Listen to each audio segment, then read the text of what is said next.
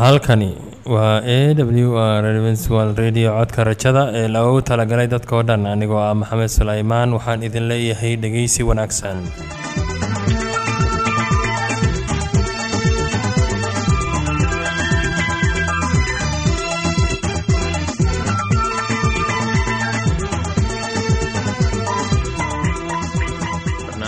maanta waa laba qaybood. Qaybta koowaad waxaad ku maqli doontaan barnaamijka caafimaadka kadib waxaa inoo raaci doonaa cashar inaga imid bugga nolosha. Barnaamijyadeena maanta si wanaagsan u dhegeysan doontaan haddii aad qabto wax su'aal ama tala. Iyo tusaale fadlan inala soo xiriir dib ayaynu kaga sheegi doonaa ciwaankayagu balse intaynan u guudagelin barnaamijyadeena xiisaa leh waxaad marka hore ku soo dhowaataan. Heestan daabacsan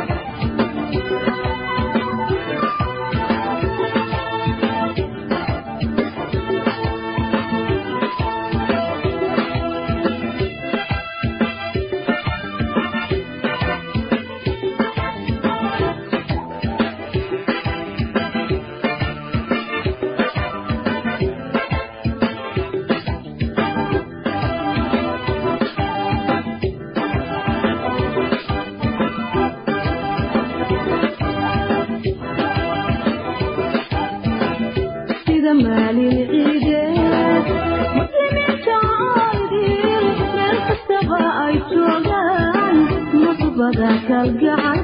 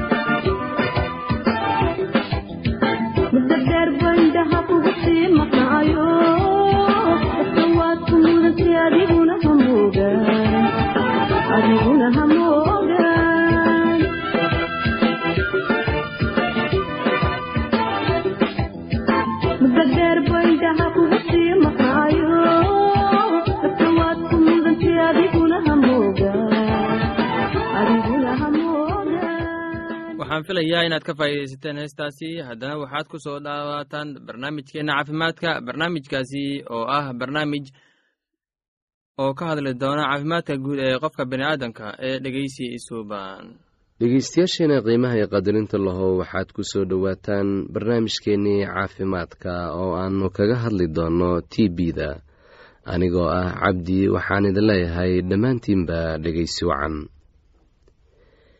t b-da waa infekshinada ugu fursadda badan ee la xiriira aidiska ugu dhowaan kalabar dadka aidiska qaba ee ku nool dalka kenya waxaa ku dhaca t b-da laakiin haddii si wanaagsan loo daaweeyo t b-da waa la dabargoyn karaa xitaa dadka aidiska qaba waa laga daweyn karaa cudurka t b-da waxaa laga qaadaa marka uu qofka qabaa uu ku qufacayo ama uu ku neefsanayo.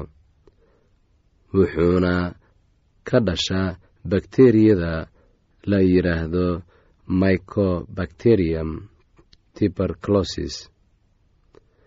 Inkastoo ay jirto bakteriya kale oo la yidhaahdo basili oo iyana dhalisa t b-da t b-da waxay qofka caafimaadka qabaa u soo gudubtaa marka qofka buka uu ku neebsado ama uu ku ag qufacayo. Haddaba waxaa loo baahan yahay in lagu dhiirigeliyo qofka buka in uusan ku ag quficin ama uusan xaaqo ku tufin dhulka. Waa in mar walba uu isticmaalaa masar ama safaleti marka uu qufacayo candhuuftana uu ku rido dhalo ama weel dabool leh kadibna la gubo oo god lagu shubo. Islamarkaana waa in la aasaa. Infekshanka wuxuu qofka ku dhacaa marka uu qaato hawo la socoto bakteriyada basiliska la yidhaahdo oo tagta sambabada dadka oo dhanna kuma wada dhacdo ee way ku kala duwan yihiin. Boqolkiiba toban dadka qaba dadka qaata hawada ay bakteriyada la socoto ayaa ay ku noqotaa t b laakiin baryahan dambe ee uu aidisku soo batay tirada intaa way iska beddeshay. Waxaa suuroodaa in bakteriyadaasi aysan wax dhib ah ku keenin qofka inta noloshiisa ka harsan oo dhan. Haddiise uu qofku hayo cudurro kale sida kansarka wadna xanuun ama nafaqa darro ama uu leeyahay fayraska h i v-ga oo difaaca jirkiisana uu yaryahay marka waxaa suurtooda in fayraska basiliska la yidhaahdo uu sanbabada ka galo in uu ku noqdo t b. Haddaba calaamadaha lagu garto qofka tbda qaba waxaa ka mid ah qufac socda muddo dhan saddex usbuuc dhiig soo raaca xaaqada iyo feera xanuunba calaamadaha kale ee lagu gartaa waxaa ka mid ah neefsashada oo ku yaraata miisaanka oo isdhima qandho iyo dhidid ka yimaada qofka habeenkii. Bal haddaba dhegaystayaal aynu isweydiine sidee baa lagu ogaan karaa calaamadaha tbda run ahaantii waxaa la ogaan karaa calaamadaha aynu soo sheegnay.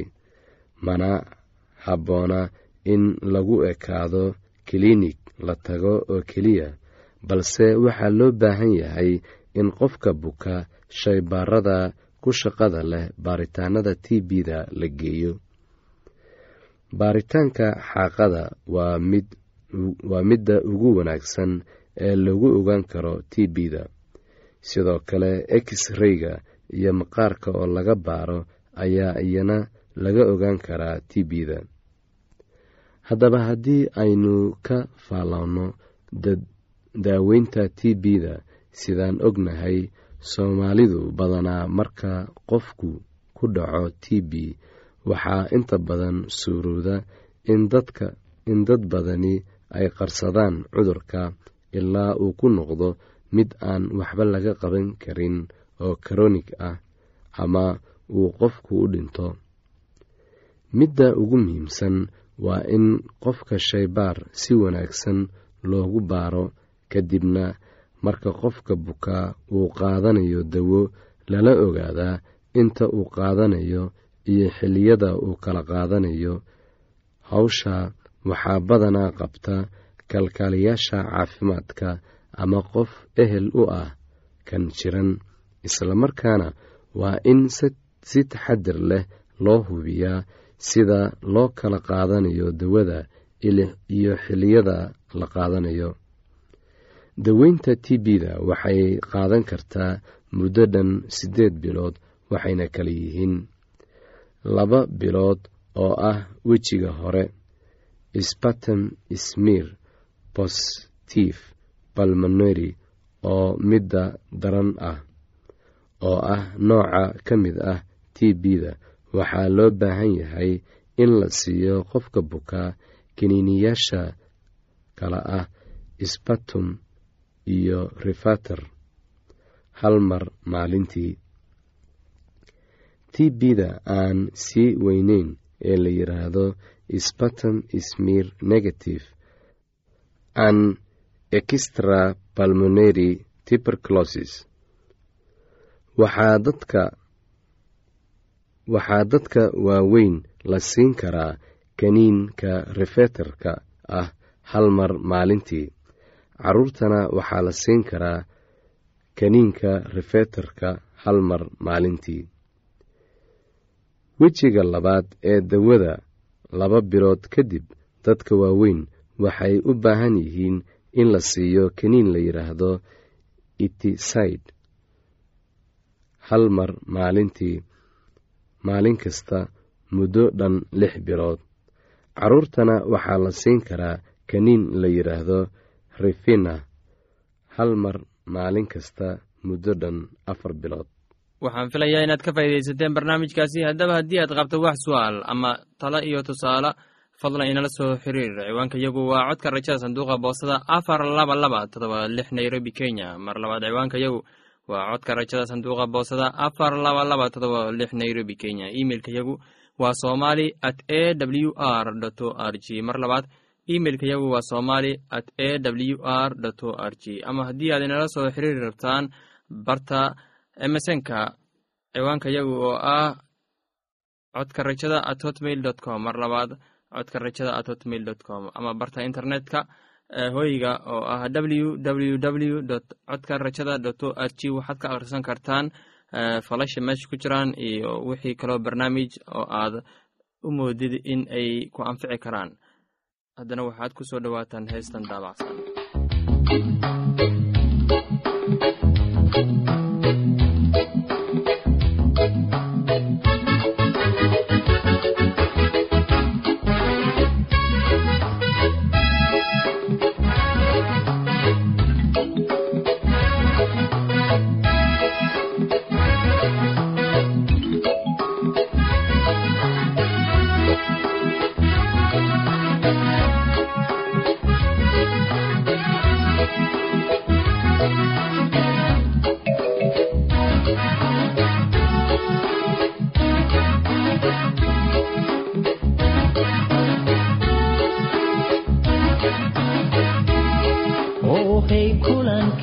hood jogaagiyo caagogta maryaha hilaabta qurxoon.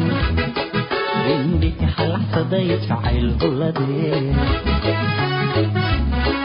ohay kulankii hood jogaagiyo caagogta maryaha hilaabta qurxoon.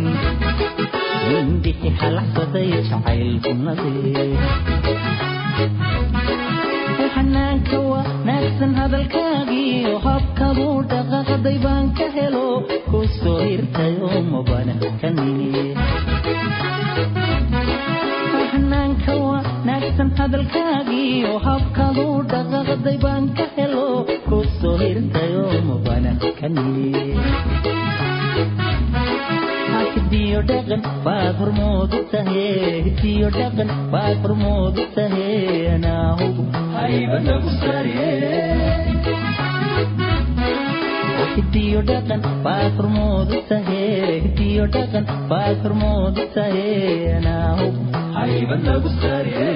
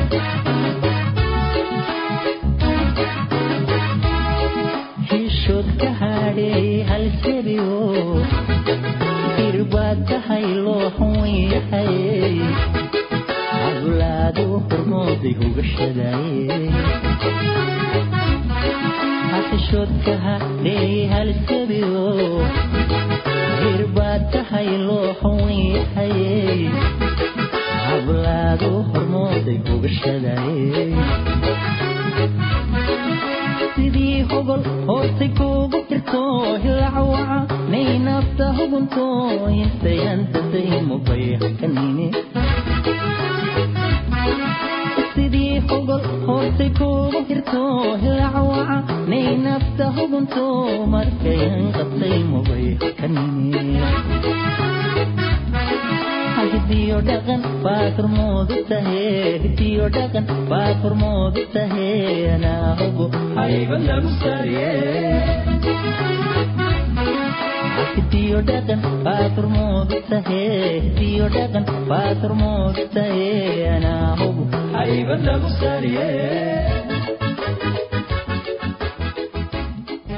waxaan filayaa inaad ka faa'iidaysateen heestaasi. Haddana waxaad ku soo dhowaataan barnaamijkeenna kitaabka quduuska. Barnaamijkaasi waa barnaamij ee ku saabsan ereyada xikmada badan oo aan ka soo xulannay kitaabka quduuska ee dhegeysi wanaagsan. Oo wuxuu ku yidhi sidaas oo kalea farcankaagu ahaan doonaa oo rabbigu wuu rumaystay. Ilaahna taas wuxuu ugu tiriyey xaqnimo oo wuxuu ku yidhi isaga anigu waxaan ahay rabbiga kaaga kaaga soo kaxeeyey uurtii reer kaldayin inaan ku siiyo dalkan si aad u dhaxashid.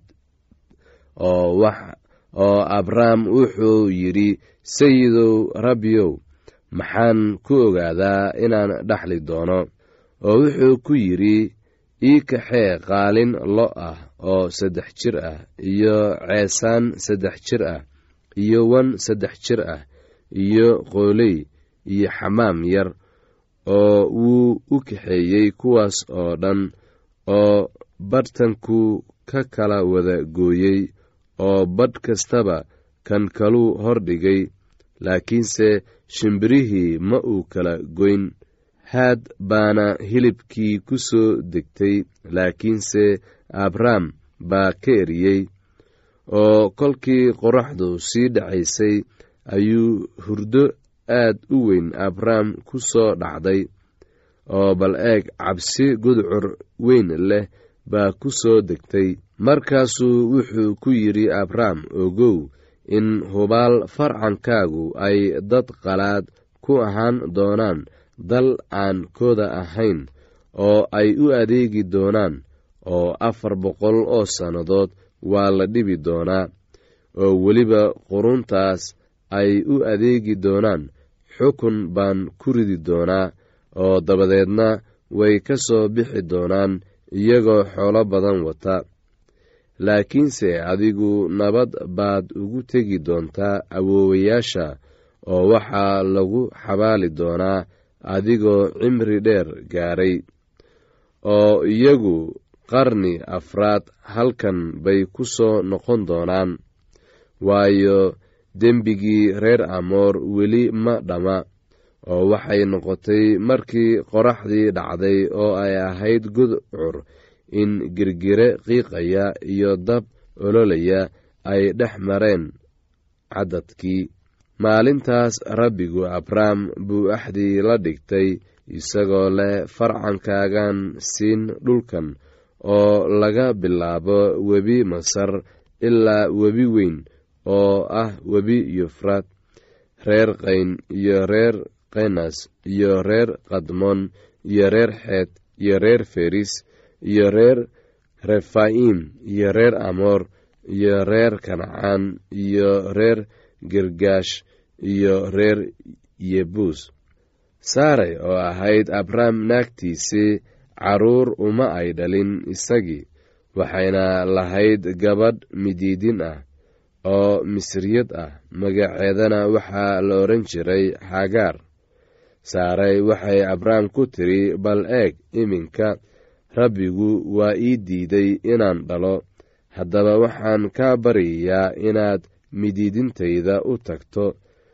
Mindhayadan carruur ka heli doonaaye abrahamna codkii saaray buu maqlay.